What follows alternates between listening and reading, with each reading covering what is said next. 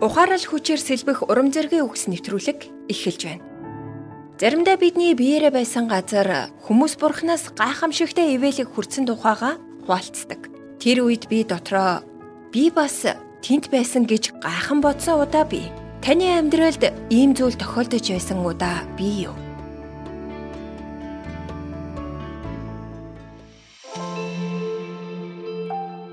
Нэгэн залуу Вашингтон хотын метроны буудлын дээр хийл хөгжим тоглож эхэллээ. Эд ачааллын үе байсан болохоор олон зуун хүн түүгээр алхан өнгөрч байсан юм.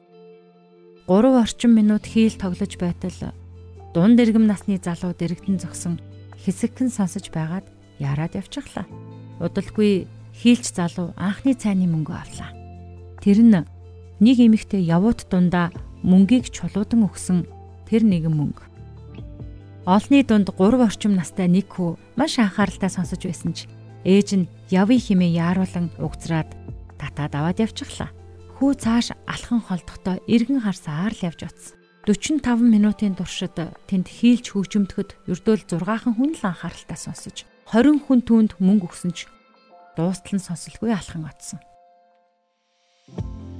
Нийтдээ 32 доллар цугларсан ч түүнийг тоглож дуусгад хэн ч анхаарч алга тарсангүй. Тэнд нэг ч хүн түүнийг дэлхийн алдартай авиас бэлэгтээ хийлж Жошуа Бэл гэдгийг мөн тэрээр 3.5 сая долларын үн бүхий хийлээр хамгийн ээдрээтэй сор болсон бүтээлийн хэсгээс тогосныг анзаарсангүй. Хамгийн сонирхолтой нь хоёрхан өдрийн өмнө Босны театрт Жошуа Беллийн үзүүлсэн тоглолтын нэг судал нь дунджаар 100 долларын үнээр зарагдаад дуусчихсан.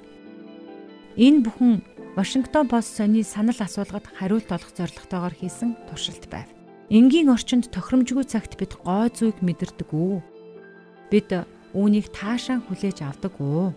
Бид хэдэн удаа дэлхийн шилдэг хөгжимчдийн нэг нь дэлхийн сор бүтээлээс тоглож байгааг анзааралгүй өнгөрч байсан бол өнөөдөр түүний дуу хоолойг сонсох цаг гарга. Бурхан Йовд Йово намайг анхааран сонс.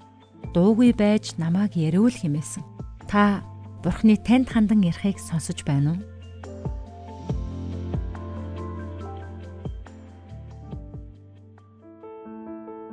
Бурхан заавал бидэнд ойлгомжтойгоор биднийг төвлөрсөн үед ярих ёстой гэж боддогч Бурхан үнэндээ бол бидэнд хамгийн ойлгомжтойгоор өөрийгөө илчилдэг.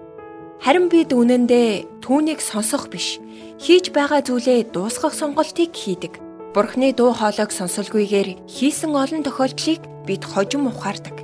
Тиймээс бид заримдаа дуугүй байж миний амьдралд ямар удирдамж өгөх гэж байгааг Бурхнаас асуудаг бай.